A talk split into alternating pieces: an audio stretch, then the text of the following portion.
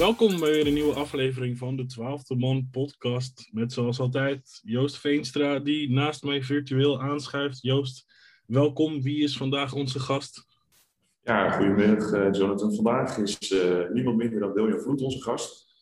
Uh, William, ik ken jou eigenlijk vooral als trainer van Rode. Dan gaan we even terug naar 2002 en 2005. Tussen die jaren ben jij trainer geweest van, van Rode. Tenminste, dat is als ik de naam William Vloed hoor, is dat eigenlijk de eerste club waar ik aan denk.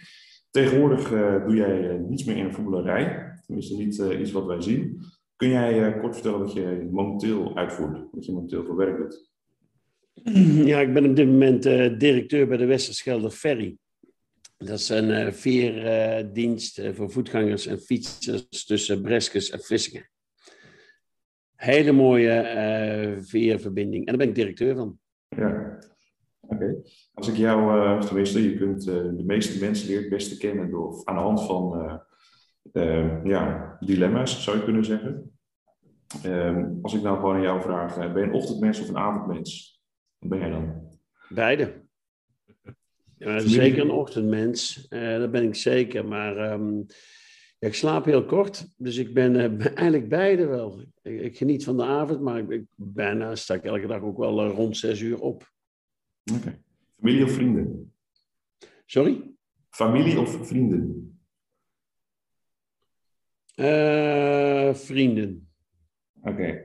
Ja, ik weet niet wat onder familie precies wordt verstaan. Hè. Dat is natuurlijk je, je gezin, dan is gezin.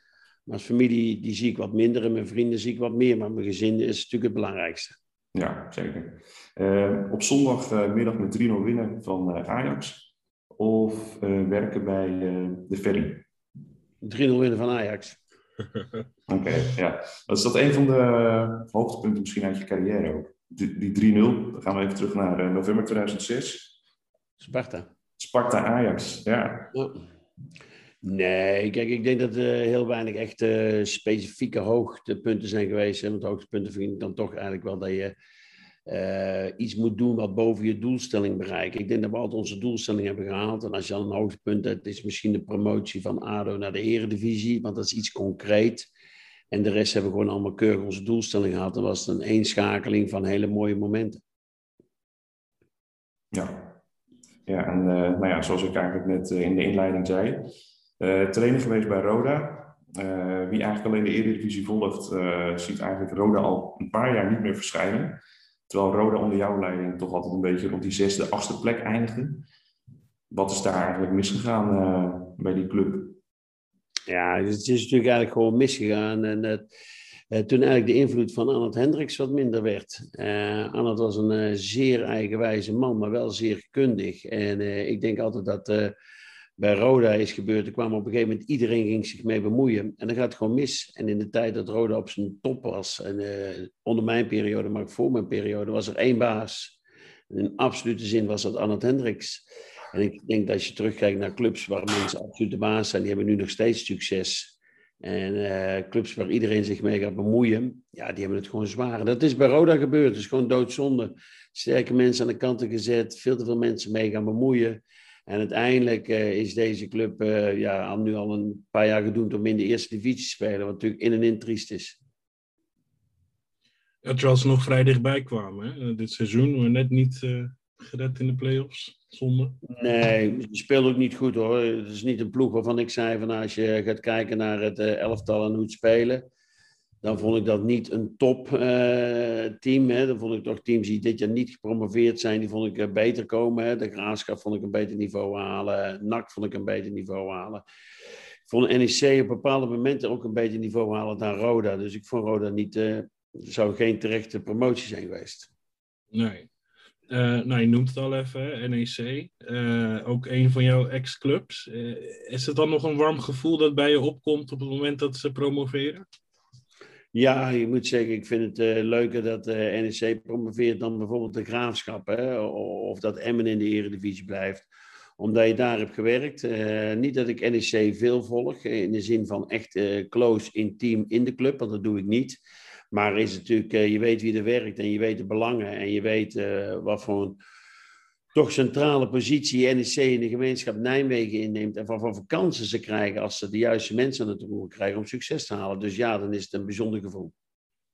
Ja, nu hebben ze natuurlijk ook uh, een geldschieter achter de hand, uh, die ook met het bestuur bemoeit tegenwoordig, Marcel Boekhoorn. Uh, het zou zomaar kunnen dat NEC dan een stabiele Eredivisieclub kan worden, à la Heracles wellicht.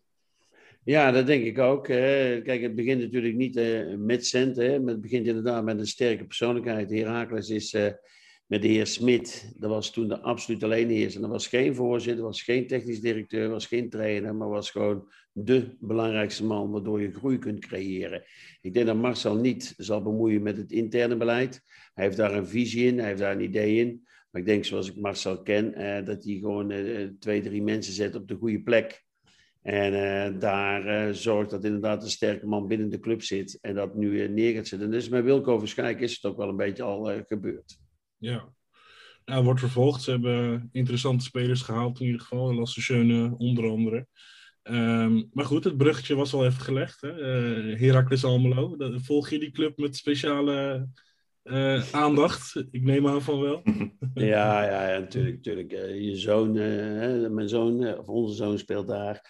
Dus ja, dan volg je dat heel intensief en dan volg je van nabij. Ik heb heel veel contact met Rai over veel dingen, maar uiteraard ook over het voetbal. Zowel voor de wedstrijd als na de wedstrijd hebben we altijd contact. En door de week hebben we altijd wel meerdere keren contact met elkaar. Ja. Zijn er dan dingen anders gegaan sinds vorig seizoen. Hè? Dat is toch redelijk opmerkelijk. Nou, misschien niet hè, voor jouzelf of, of, voor de omgeving om hem heen.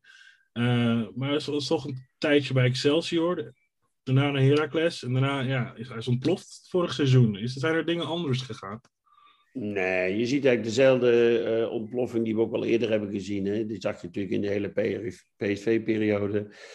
Die zag je ook heel erg uh, bij Eindhoven toen hij een keer uitgeleend is. Heeft ook veel gescoord en ook een goed jaar gespeeld. Um, de afgelopen twee jaar zijn we natuurlijk wat minder geweest. Of de vorige twee jaar voordat je naar Excelsior ging, zijn wat minder geweest. Het is wat wisselingen van clubs gehad. Bij NAC heeft hij wel veel wedstrijden gespeeld, maar niet de waardering gekregen. Terwijl ik vond dat je toen ook wel slim speelde, maar niet zo prominent aanwezig was als je nu is. Um, toen hij terugkwam en uh, vorig jaar één jaar bij uh, Excelsior spelende, ja, was, heeft hij ook één jaar fantastisch gedaan. Uh, en die lijn heeft hij eigenlijk doorgetrokken. En dat is eigenlijk een groot compliment aan hemzelf. Want ik denk dat hij heel veel energie er zelf in heeft gestopt. Ja, uh, absoluut. Is, is dan, wat zou jouw advies nu zijn om nog even bij Heracles te blijven? Of toch misschien wat hoger te kijken wellicht, buitenland? Of... Ah, ik denk dat hij zelf daar wijze uh, genoeg in is om een goede keuze te maken. En natuurlijk praten we erover. Ik denk dat alle valt of staat met, met bieder zich meldt. Eh, soms moet je kansen voordoen, zoals sommige trainers mooi bezet, die trein voorbij komt. Maar van de andere kant heeft hij het uitstekend naar zijn zin bij Herakles. Voelt zich daar gewaardeerd. Heeft een trainer die hem begrijpt. En dat is voor hem heel belangrijk. En uh, hij is een jongen die ook echt uh, niet achterover gaat zitten. Hè? Heel de vakantie goed bezig geweest. Dat hij toch weer een stap wil maken. En kan maken. Maar ja, je weet niet hoe de voetballerij zich uh, ontwikkelt. Uh, ik denk wel dat het een jongen is die niet zal kiezen om nu zomaar in Nederland naar een andere club te gaan op gelijk niveau van Heracles. Dus dat zal hij zeker niet doen, want daar heeft hij het veel te goed naar zijn zin. Ja. Is Rai een gevoelsmens? Uh, ja, ja, Rai is een gevoelsmens. Echt een gevoelsmens. Hij moet gewoon heerlijk in zijn vel zitten en dan kan hij uitstekend functioneren. Oké. Okay. Oké. Okay. Um, nou ja, nog een bruggetje te maken. Hè? Rai is ook een, een goede vriend van Memphis, hè? Memphis Depay. Uh, die nu behoorlijk in de aandacht staat. Hè? Met uh, documentaire die net is uitgekomen in het midden van het EK dat we nu staan. Uh, is dat nog iets... ja, dat ten eerste, heb je Memphis wel eens ontmoet in het echt? Ja, meer, ik heb met Memphis gewerkt. Ja, nee, tuurlijk. Ja, ik dacht puur even PSV, aan de vader. Zo. Ja, ja, ik heb dus bij de PSV ja. met Memphis gewerkt. En uh, ik heb me regelmatig natuurlijk uh, gevolgd. En uh, recent natuurlijk ook gesproken. Live. Dus dat is, is logisch. dus dat hebben we ook gedaan. En daar hebben we goede contacten mee. Dus, maar niet dat ik er veel zie, dat is zeker niet. Maar uiteraard, als je zo close bij je vriend, bij je zoon bent, ja, dan heb je daar wat contact mee. Ja, ja, opmerkelijk hè, hoe die ontwikkeling dan is gegaan. Ik denk sinds jouw periode inderdaad bij de PSV jeugdopleiding. Net dacht ik inderdaad alleen puur de vader-zoonrol. Maar uh, ja, kijk je dan toch met trots naar zo'n ontwikkeling, bijvoorbeeld van Memphis, maar ook van Rai zelf, hè, die nu, het gok aan het behoorlijk aan het doorontwikkelen is? Ja, natuurlijk. Kijk, ik, ik vind het geweldig. Wat ik het mooiste vind, is mensen continu bezig zijn om het maximaal uit hun eigen kunnen te halen. Dat vind ik het geweldig. En dat heeft Memphis. En dat heeft Rai. Die zijn continu bezig om het maximaal uit hun niveau te halen. En dat is mooi. Je moet niet tevreden zijn op het moment dat je een wedstrijd speelt of een wedstrijd wint of wat dan ook. Je moet eigenlijk continu bezig zijn om maximaal uit je kunnen halen. Dat is betaald voetbal. Dat is ook jeugdopleiding bij PSV. Moet je niet zeggen, we leiden je op voor betaald voetbal. Nee, we doen er in de ideale omstandigheid doen we er alles aan om het maximaal uit je talent te halen. En als je dat bereikt, ja, dan heb je een fantastische carrière. En, en, niet veel voetballers die zijn daarmee bezig. Want die zijn op een gegeven moment veel te tevreden dat ze een bepaald niveau. Maar de absolute top, en dat vind ik Memphis, mag dat wat zeggen. Maar hè, Ronaldo en Messi ook, die zijn elke dag bezig om beter te worden. Ja, dat verdient veel meer waardering naar Memphis toe. Dan dat er af en toe een keer wat lacherig over wordt gedaan.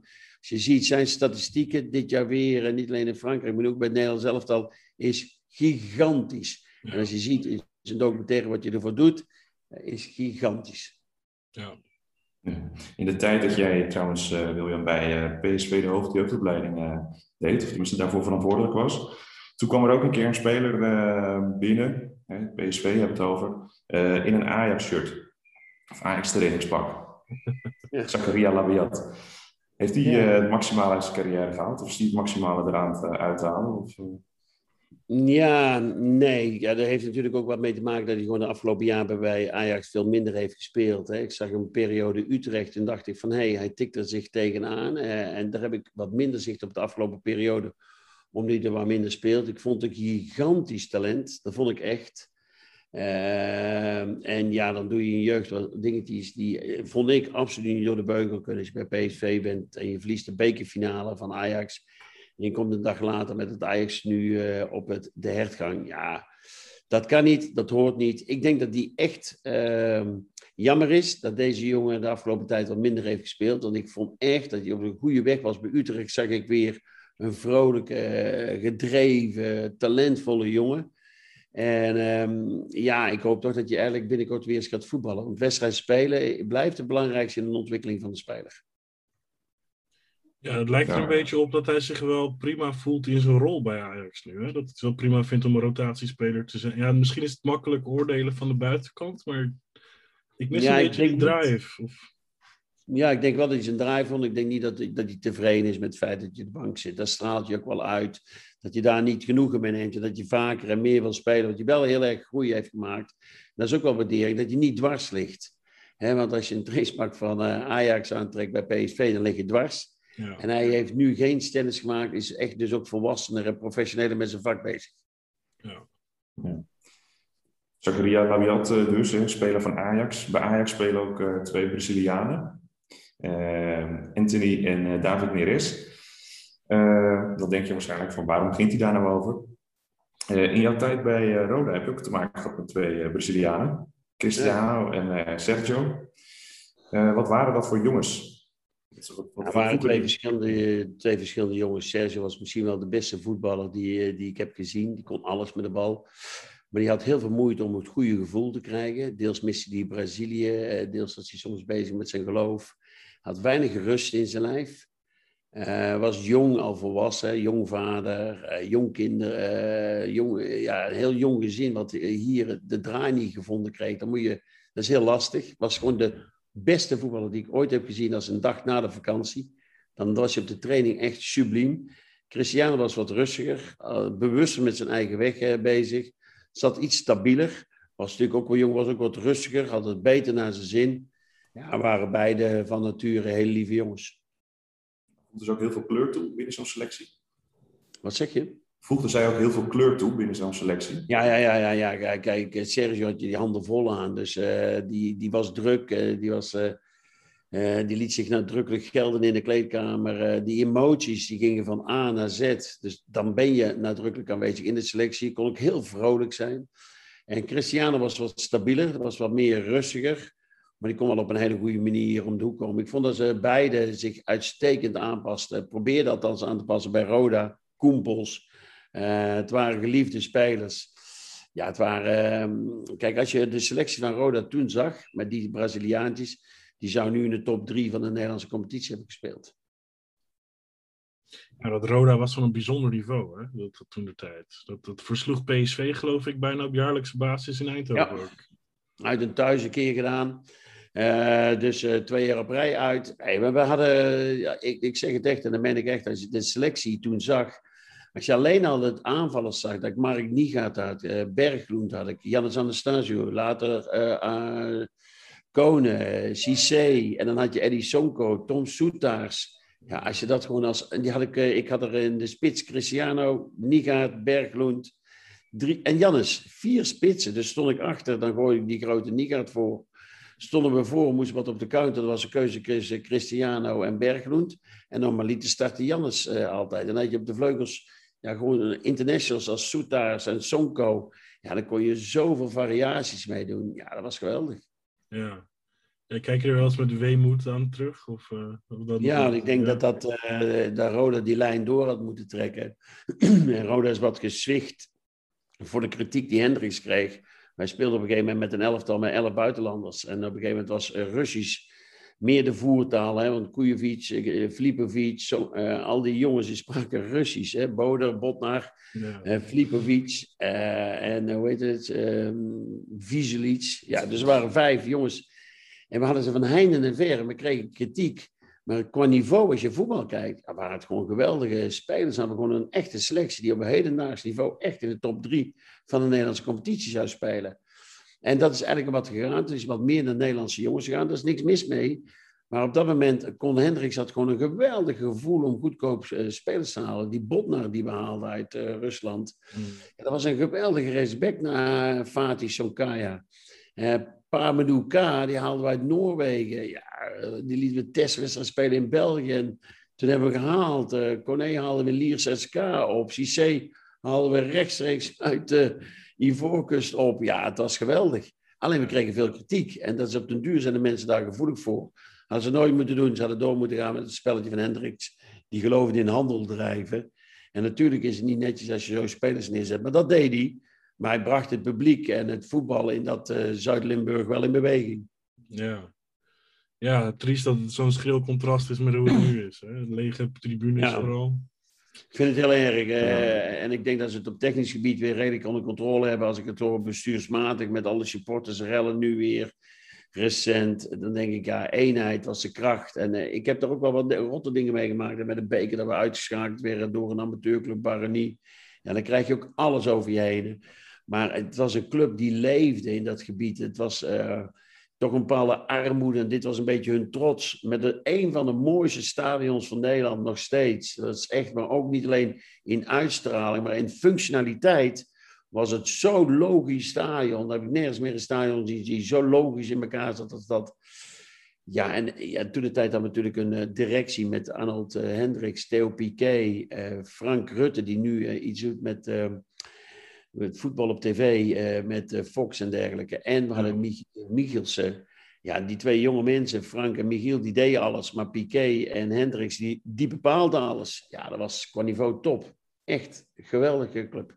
Ja. En het, dit doet echt pijn. Gewoon, dat doet pijn, omdat ik ook gewoon vind dat het... Uh, en natuurlijk, het is een beetje makkelijk aan de zijkant oordelen, maar het lijkt erop dat het bestuurlijk maar niet in staat is om daar een goed niveau neer te zetten. En zonde. Ja, Ehm, nu las ik in een paar interviews van je van niet al te lang geleden dat je het boek Voetballerij hebt afgesloten. Sta je er nog steeds achter? Is dat echt helemaal klaar? Ja, er zijn twee dingen wat je natuurlijk doet. Je merkt dat, je, dat er een jonge garde komt. Je bent ontzettend trots dat je twintig jaar vol hebt gehouden. Hè, want niet veel mensen houden twintig jaar vol in betaald voetbal. Zeker niet mensen die, uh, net als ik, geen betaald voetbalcarrière hebben gehad. En in de media toch een bepaald beeld oproepen bij sommigen. Um, ja, eh, en ik ben ook wel een beetje een idealist, eh, want dat ben ik altijd geweest. Ik ben altijd iemand die misschien niet het maximale uit teams heeft gehaald, maar zeker uit individuele spelers. Ik kwam uit de hulpverlening, dus ik vond een individu heel belangrijk. Moet je toptreden, moet je niet praten over individu, moet je gewoon over team praten, veel meer. Nou, dat lag ook wel een beetje de manke bij mij. Omdat ik dacht van nou, als we met NEC zevende worden, maar we kunnen vier jongens laten debuteren en kunnen verkopen en een mooie carrière inzetten, dan hebben we het goed gedaan. Nou, dat bereikten wij. Hè? Dus dan had je Jillis, Bram Nuiting, die spits, ik ben even zijn naam kwijt. Uh, die topscorer werd van Nederland. Uh, Flemings. Uh, Bjorn Flemings. Flemings, ja. Lassen die weer aan het voetballen kregen. Ja, dan weer gewoon jongens. Siemeling die weer international werd. Ja, dat, dus, dat was geweldig wat we daar presteerden. Dat was echt uniek, top. Zomers die weer in Nederlandse stap gingen maken. Elke speler kon aan een hoger niveau. Ja, daar ben ik eigenlijk misschien wel het meest trots op bij NEC. En... Um, ja, en, en zegt natuurlijk nooit nooit, hè, want laten we wel zijn, maar je moet realist zijn. De tijd voor mij is wat voorbij en de afgelopen tijd heb ik uh, geen uh, iets leuks gehad wat ik dacht van ja, hier word ik echt uh, warm van. Ja, dan moet je dus ver in het buitenland zoeken. In Nederland is er 0,0 interesse geweest. Nou, dan, ja, dan moet je ook beseffen dat het voorbij is. En ik wil ook gewoon niet meer op elk niveau, op elke manier aan het werk zijn. Dan heb ik nu veel meer lol bij de Westerschelde Ferry. Ja. ja. ja. Want daarom... Sorry, Joost, ga je gang. In 2017 was je nog verkiesbaar trouwens uh, voor het CDA, hè? ik kon, uh, kon jou stemmen. Uh, CDA is normaal gesproken altijd bekend om de normen en waarden. En nog niet zo heel lang geleden heb je geloof ik ook gezegd van nou, in de voetballerij is het eigenlijk vooral een beetje ikke, ikke, ikke. En nou, ik ben toch al met al zo'n 30 jaar trainer geweest. Ergens in de jaren 80 al begonnen. Bij Dijka Steenwijk als opvolger van Foppe de Haan destijds. Ja. nou ja, toch al met al zo'n 30 jaar trainer geweest. Kun jij misschien zeggen wat ja, wat, wat zijn nou de verschillen tussen zeg maar, nu en toen, als je gaat kijken naar ja, ook normen en waarden binnen zo'n spelersgroep? Ja, ik denk dat het, uh, zeker toen de tijd in het amateurvoetbal, wat ik voelde, was het heel erg uh, local business. Uh, speelde je allemaal bij elkaar en je kende elkaar. En was het echt, echt veel meer het team, was de belangen veel anders als nu. Was er ook veel meer toeschouwers. als je in de eerste speelde in een, een dorpje zoals ik, Schijnel, kende iedereen, want iedereen vond het geweldig. En kwam ik altijd elke zondag kijken. Nou, dat, eh, dat, dat gevoel is weg, omdat zo'n clubs, zo'n dorp krijgt op een gegeven moment rolhockey en uh, andere type sporten. Dus dat verdwijnt. Dus dat is een hele grote impact op het sportgebeuren. En ik denk dat het steeds meer, uh, maar dat is ook de maatschappij wat individueler in is gesteld. En dat loopt de voetballerij wat voorop. En heeft zich daardoor, uh, zijn je binnen een organisatie, hebben jongens allemaal voor met eigen belangen. En dat is uh, de makelaars, maar ook de trainers, subtrainers, fysieke begeleiders, mentale begeleiders. Komt het niveau te goede, maar maakt het wel moeilijker om er een collectief van te maken. Ja, ja over Schijndel gesproken. Hè? Uh, nou, jij komt uit Schijndel. Klaas Wels en Jack de Gier. Dat zijn zo drie trainers die uit een dorp komen met zo'n 20.000 inwoners. Ja. Ja, ja, Jack ken ik natuurlijk heel goed. Uh, ik heb ook een paar jaar mee, uh, mij in de staf gehad. Uh, en met Klaas heb ik heel veel contact eh, gehad, omdat hij natuurlijk ook zijn weg aan het zoeken was. Zeker toen hij net bij Topos bezig was. Hebben we, en toen had ik al de nodige ervaring en hebben daar in contact gehad. En ja, het is wel heel verpand dat het drie, hè, want relatief weinig spelers uit het dorp. Als je dan kijkt, is nu Splem Bummel, uh, Rai Vloed en Jack de Gier eigenlijk de drie spelers die er vandaan kwamen. En nog eentje bij RKC trouwens. Maar um, de rest is uh, trainers. Dus dat is wel leuk. Ook alle drie. Hè. We hebben drie voetbalclubs in Schijnel. Uh, Avanti, Wek en Schijnel. En zowel Klaas als Jack als ik kwamen van de voetbalclub Schijnel. Leuk. Ja. dorp ook Schijnel. Hè. Ook wereldkampioen wielrennen. Crossen hebben we natuurlijk gehad. wielrennen hebben we gehad. Dus we hebben op verschillende niveaus wel actief geweest. Ja, leuk. Ja. Woon je nog steeds? Of, nee, nee, nee. nee. nee. nee. Nee. Uh, ja, Joost, uh, ik wilde Wiljan nog even vragen over zijn dagelijkse werkzaamheden uh, nu buiten de voetballerij, op de ferry tussen Breskens en Vlissingen, Wiljan. Kun je een beetje uitleggen hoe dat, ja, hoe ziet het dagelijkse directeurschap eruit daar? Nou, er zijn eigenlijk twee dingen die heel de afgelopen jaren fantastisch zijn geregeld. Dat is de schepen en het onderhoud. En ik ben eigenlijk heel erg neergezet voor A, het personeel, dus een kleine zestigtal mensen die erbij werken. En B, beleving, zowel op de beide kaders als op de boot. De eerste maand stond in het teken van kennismaking. Um, daar heb ik heel kleine dingen neergezet die, ik belangrijk vond, omdat het nu het hoogseizoen aankomt. Dan is het gewoon knallen, is er gewoon proberen zoveel mogelijk toeristen binnen te krijgen. Dat betekent dat dat uh, nu voorop staat. En achter de schermen zijn we bezig met wat zakenlui en de, de provincie en de gemeente om te kijken of we wat evenementen en activiteiten kunnen organiseren in Breskes, op de kade en in Vlissingen. Nou, en verder is bestaat mijn tocht heel erg uit, omdat ik ook altijd van samenwerken en verbinden houd. Dus in Zeeuw-Vlaanderen en Walcheren, ja, daar ben ik heel veel bedrijven aan het eh, benaderen, maar instanties aan het benaderen, basisscholen. Om te kijken van, hé, hey, waar kunnen we allerlei verbanden leggen van complicaties. Hè, dat ze daar een hele dagbeleving hebben, dat het niet alleen een noodzakelijk vervoer is, van A naar B, van Breskes Vissingen. Maar dat je ook een dagje eh, vermaak kunt krijgen als je naar Vissingen Breskes gaat. En dat het veel meer een middel is, uh, die, uh, de veerdienst en niet een doel op zich. Nou, dat zijn we, dus heel veel creativiteit, heel veel ideeën, vaak brainstormen, lange dagen maken. Ja, en uiteindelijk moet dat opleveren in een plan wat wij eigenlijk uh, in september, oktober gaan evalueren. Het zomerseizoen. En dan heb je eigenlijk vier rustige maanden, november, december, januari en februari. En dan moeten de nieuwe plannen tot uitvoering komen. En uh, ja, dat betekent dat het toch al met een uh, blik geworpen is nu naar het uh, jaar 22, om daar roosters iets aan te passen. Iets anders met het personeel inzetten, minder in hokjes, veel meer in het hele grote Westerschelde ferrygevoel. Ja. En ja, dat betekent dat je ook met de provincie, want dat is onze grootste aandeelhouder, veel overleg hebt en met gemeentes. Ja. Oké, is het uh, vergelijkbaar qua, qua ja, hoe interessant het is als met de voetballerij? Vind je het leuker wellicht? Is het verfrissend? Nou, het is in ieder geval heel verfrissend, hè? laat ik dat opstellen. Ik vind het ook wel een beetje... Kijk, op een gegeven moment zit je te denken, wat ga je doen? Alles wat je deed was bijna altijd nog gerelateerd aan sport, aan voetbal.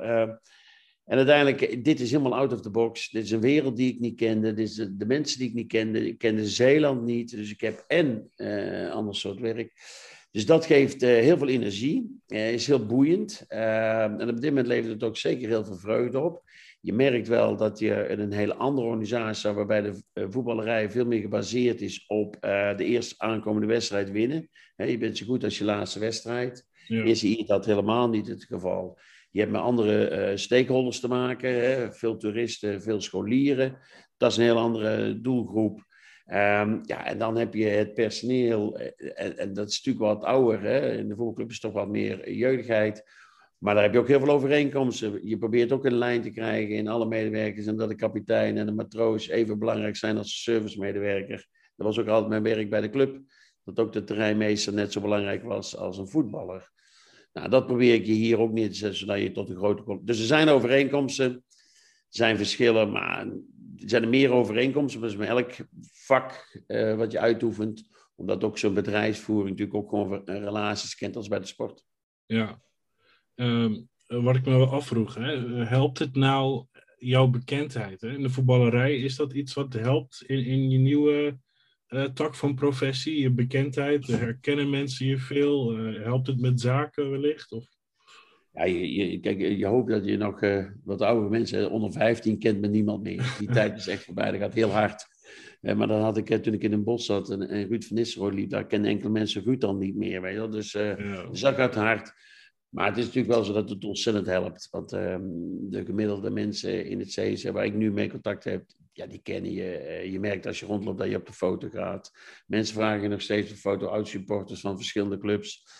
En het is ook iets makkelijker om elkaar eh, de deur te doen. Je hoeft vaak jezelf niet voor te stellen, want ze zien al wie het is. Je hebt dus al een interview gehad, nog een keer een interview, nog een keer, dus al drie keer. Dan, nou, dat, zegt de provincie, die hebben nog nooit bij een directeur gehad. Dus ja, uiteraard helpt dat stukje bekendheid helpt wel. Ja. Oké, okay, uh, nou Joost, ik denk dat we maar langzamerhand over Oranje moeten beginnen. Ja, toch ja. het actuele thema van uh, deze weken. Ehm, nou ja, Wiljan, uh, achtste finale, morgen tegen Tsjechië, dat gaat wel lukken, toch? Ja, ik heb er heel goed vertrouwen in. Uh, ik denk dat ze klaar zijn. En uh, wat we net over hebben gehad, en dat vind ik de grootste prestatie die het Nederlands elftal heeft. Het lijkt een echt behoorlijk goed collectief te zijn. Dat vind ik echt fantastisch. Ja. En uh, ja, toch de verdiensten van Frank de Boer dan? Wordt dat hij misschien een beetje ondergesneeuwd onder alle kritiek? Is dat onterecht? Nee, kijk, natuurlijk kritiek zit altijd wel iets in, maar sommige kritiek is ongenuanceerd. Dat is iets anders. Maar het is natuurlijk wel geweest dat hij eh, zich soms wat beter kan uitdrukken. Uh, maar dan om iemand helemaal met een grond gelijk te maken is weer het andere. Uh, ik denk dat Frank de Boer één ding heel slim heeft gedaan. Uh, de lijn doorgezet van uh, Koeman die erin heeft gezet. Dat betekent een bepaald gedrag bij de spelers neerzetten. Hè? Als je nu leest van Ruud van Nistelrooy zegt... ja, dit ken ik nog eens in mijn carrière, wat we nu meemaken. Hij heeft Ruud er zelf bij gehaald. is iets meer observator geworden, dat hij echt een doener is. dat deed Koeman ook. En hij heeft bepaalde, we hebben het net over normen en waarden, ook rituelen en gebruiken vastgehouden. Uh, en ik denk dat dat de grootste winst is, want het ging altijd over tactiek. Maar tactiek is een middel. En zo een, uh, maar volgens mij, als je een heel goed team hebt, is ook een fantastisch middel om succes te hebben. Ja. En ik denk dat het ook wel helpt dat bijvoorbeeld Denzel Dumfries er twee maakt, omdat hij in dat 5-3-2 systeem speelt. Hè? Dan, uh, als hoge wingback had hij er waarschijnlijk geen twee gemaakt in een normale 4-3-3, denk ik dan. Ja, je kunt met 4-3-3 kun je natuurlijk ook veel doen. Hè? Want dan kun je de centrale middenvelder uit laten zakken. En dan krijg je ook een soort vijf uh, mans achterhoede. Dus uh, het heeft mee te maken wat voor centrale middenvelder. Maar als je een middenvelder hebt die heel erg meer met de punten achter komt, dan is de verschil al niet zozeer. En zeker niet als je Memphis centraal neerzet als enige spits. Dan komen de flanken ook heel veel op. Ja. En dan staan ze misschien ook wat dieper. Hè? Dus het is, het is altijd iets genuanceerder dan alleen dat. Maar ehm, eh, ik denk wel dat hij uitstekend in zijn lijst Maar dan nog, het wordt eh, het bedienen van de speler die opkomt. Hè, buiten natuurlijk die, die kopbal. Maar eh, dat, dat zie je. Elkaar gunnen, elkaar overnemen. Geen kritiek als iemand een fout maakt. Wees al zie mensen vaak eerst wijzen en dan pas herstellen. Ja. zelf, dat wordt helemaal niet gewezen. Men is eerst aan het herstellen. En ik denk dat dat het alle. En dan inderdaad is het tactisch natuurlijk belangrijk. Hè, hoe je speelt. Dat is een hulpmiddel. En ehm, en dat is absoluut belangrijk, ook straks weer tegen de Tsjechen. Maar het fundament is voor mij heel erg neergelegd door het teamgevoel. Ja. Is dat ook altijd iets wat jij zelf altijd als belangrijk hebt ervaren in jouw carrière? Ja, heel belangrijk heb ik ervaren. Ik heb het niet altijd goed gedaan, want ik heb veel meer de, het individu naar voren toe gezegd. En soms had ik het individu wat vaker naar achtergrond moeten zetten om het team naar voren toe te doen. Dan had je niet dat je dan een keer bij Roda kampioen was geworden, maar had je misschien één of twee plekken wat gewonnen. Ja. Had je misschien een bepaalde moment dat je het zelf wat makkelijker gemaakt. Uh, want ja, bij elke club heb ik uh, vaak ook jonge jongens laten debuteren. Hè, bij ADO ja, bracht ik op een gegeven moment uh, eh, 17 jaar Daryl Jan maat in. En iedereen zei ja, Lex Immers. En hij zei ja, ja, Guillaume van Anders, ja. Nou, uiteindelijk hebben ze een fantastische carrière gemaakt. Maar het ging wel ten koste van Richard Knopper. Het ging wel uh, ten koste van Raymond Victoria. Uh, die al een hele mooie carrière hadden. Ja. Uh, dus ja, dat, dat maakt het jezelf niet makkelijk. Nou, dat heb ik gedaan. En ehm, daar heb ik ook geen spijt van. Ik vind het hartstikke mooi die jongens aan mijn carrière hebben gehad. Maar dat zie je wel dat dat toch altijd heel belangrijk was. En mij was met name toch heel belangrijk dat je dat probeerde zoveel mogelijk te doen met z'n allen. en soms ja, probeer ik het wel uit te leggen waarom ik voor een jeugd kies. Maar dan zag je toch wel wat het, dat het uh, moeilijk was om de andere te accepteren. Ja. Uh, Joost, je bent een tijdje stil geweest, mede door mijn gekwek. Uh, wil jij nog wat vragen? nou ja, goed, onder Louis van Gaal was het natuurlijk eigenlijk ook wel zo in 2014 dat, dat eigenlijk vooral het teamgevoel heel sterk was. We wisten dat we minder waren dan heel veel andere landen op dat WK. Uh, Dirk Kuyt die linksback ging staan. Dus dat zei eigenlijk genoeg over, terwijl iemand misschien wel linker of rechts spits is. Dat zegt genoeg over hoe uh, de sfeer in zo'n uh, ploeg is, denk ik. Dat, dat je genoegen neemt met die plek als linksachter. Dus eigenlijk is dat, ja, om Van Gaal misschien ook wel een beetje ingezet. 2014. Ja, ik denk dat het verhaal dat, ik denk dat alleen daarin een andere manier van communicatie heeft plaatsgevonden. Als je nu de verhalen hoort van Snijder en Klaas, die er toen bij was geweest is het nu denk ik iets uh, net zo kritisch, maar komt er meer kracht vanuit het team. En dat heeft mee te maken dat teamspelers zoals Wijnaldum, uh, Memphis, uh, Blind, die hebben zoveel groei doorgemaakt de afgelopen jaren. Natuurlijk dat, je, dat je het ook meer aan het team over kon laten. En bij Vergaal kwam het er meer van bovenaf en komt nu meer vanuit het team. Ik denk dat dat het grote verschil is.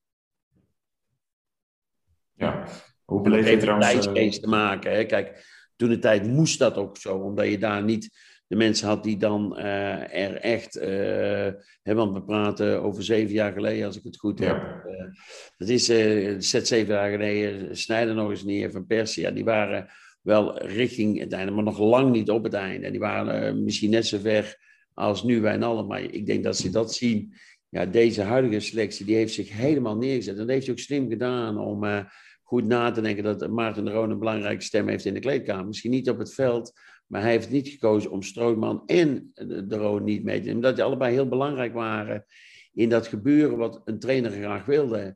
En het heeft natuurlijk ook gewoon met het type mensen te maken. Louis, eh, Frank en William Vloed zijn drie verschillende mensen. Ja, hoewel volgens mij Frank de Boer ooit een keer heeft gezegd van dat hij wel uh, ja, iets weggeeft van Van Gaal zijn hele ja, benadering denk ik naar spelers. Maar ik denk misschien met voetbal en visie, uh, maar met uh, communicatie vind ik hem...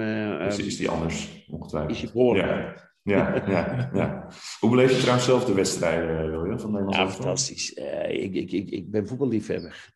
Dat zal ik altijd blijven, dat gaat er nooit uit. Ik volg alles en ik zit nu veel meer weer als, moet ik wel eerlijk een beetje bekennen, als toerist en als supporter te kijken, veel minder als analist. Hè. Dus je zit echt gewoon te genieten. En, uh, ik heb soms hele leuke wedstrijden gezien. Ik vind echt het niveau zeker niet slecht voor een Europees kampioenschap. dus ja, ik geniet. Ik zie veel wedstrijden.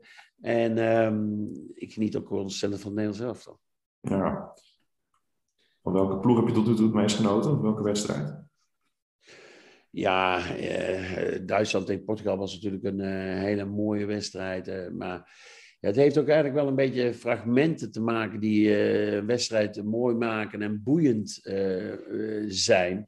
Ja, in, dus, dus, ja, ik, het is niet zo dat ik zeg van nou, die wedstrijd die stak er echt met uh, kop uit. Ik heb, ja, ik, ik heb Spanje op een bepaald moment ook gewoon goed zien spelen, terwijl de buitenwereld ze, afbranden. Maar als je ongeveer 12 minuten op de helft van de tegenstander speelt, dan doe je de hele dag voetbal gewoon goed. Ja. En dan denk ik, ja, zo slecht was het allemaal nog niet. Nee. dus, dus ik vind het, ja, het verschil tussen de top en onze ploegen wordt gewoon een stuk kleiner. En altijd zijn er wel wat tegenvallers. Hè? maar op zich is het wel logisch welke ploegen nu allemaal door zijn. Ja. ja. En welke land heb jij als winnaar ingevuld in je poeltje? Frankrijk. Frankrijk, oké. Ja, ik denk dat het gemiddelde niveau van het Frans het hoogste is. Ik denk dat dat echt is. Alhoewel ik moet zeggen, de verrassing is op dit moment het Italiaanse voetbal. Omdat ik die vind dat ze daar ook heel verrassend spelen. En met name niet in hun verdedigingstactiek. Want dat, dat, daar staan ze bekend op, daar zijn ze groot over. En dat doen ze fantastisch. Maar met name in hun aanvalspel, uh, de snelheid en de bewegelijkheid, die is, het is niet echt voorspelbaar wat ze doen. Ik vind het echt uh, dat heel mooi om te zien. Ja. En Nederland gaat stranden in de halve finale dan, finale? Nee, dat denk ik, ja. Kijk, uh, deze ronde Tsjechië overwinnen, dan is het volgens mij Denemarken Wales de winnaar, als ik het goed heb in mijn hoofd. Ja. Die moeten ja. allebei op voetbal kunnen. Alhoewel die, uh, Denemarken zou wel een interne kracht krijgen. Wales valt mij niet mee. Dit had je verwacht, maar vind ik gewoon niet goed om te zien. Ja. En uh, dan zou je zomaar eens een keer de halve finale kunnen halen. En dan is het afwachten wie er zijn. Kijk, ik vind Italië, Frankrijk, maar ook op bepaalde momenten Duitsland verder uh, dan het Nederlands elftal. Uh, maar dat zijn momenten. Um, ik vind het Nederlands elftal heeft zich uh, wel ontwikkeld in het toernooi. En dat vind ik het mooiste dingen die waar we de eerste wedstrijd kritiek op hangen. We zijn de tweede en derde wedstrijd weg. Ja. En we hebben keuzes. We hebben behoorlijk nog wat keuzes in het Nederlands elftal om dat te doen. We gaan het zien. We gaan zien wat Frank de Boer uiteindelijk beslist. En hoe goed de spelers ja. in vorm zullen zijn. Wiljan, we zijn er alweer doorheen. Uh, okay. Hartelijk dank. Het was, ja, ik, ik, ken je nog heel goed uit mijn jeugdjaren toen ik voetbal voor het eerst wat leuk begon te vinden. Uh, William Vloed op tv bijvoorbeeld. Dus ik vond het hartstikke leuk. Dus uh, hartelijk dank. Uh, ja, dankjewel William. We zullen je zo jullie succes. de link sturen en dan komt alles goed. Oké, okay, yes. veel succes hè. Ja. Dankjewel. Dankjewel. Goedjes. Doei. Doei.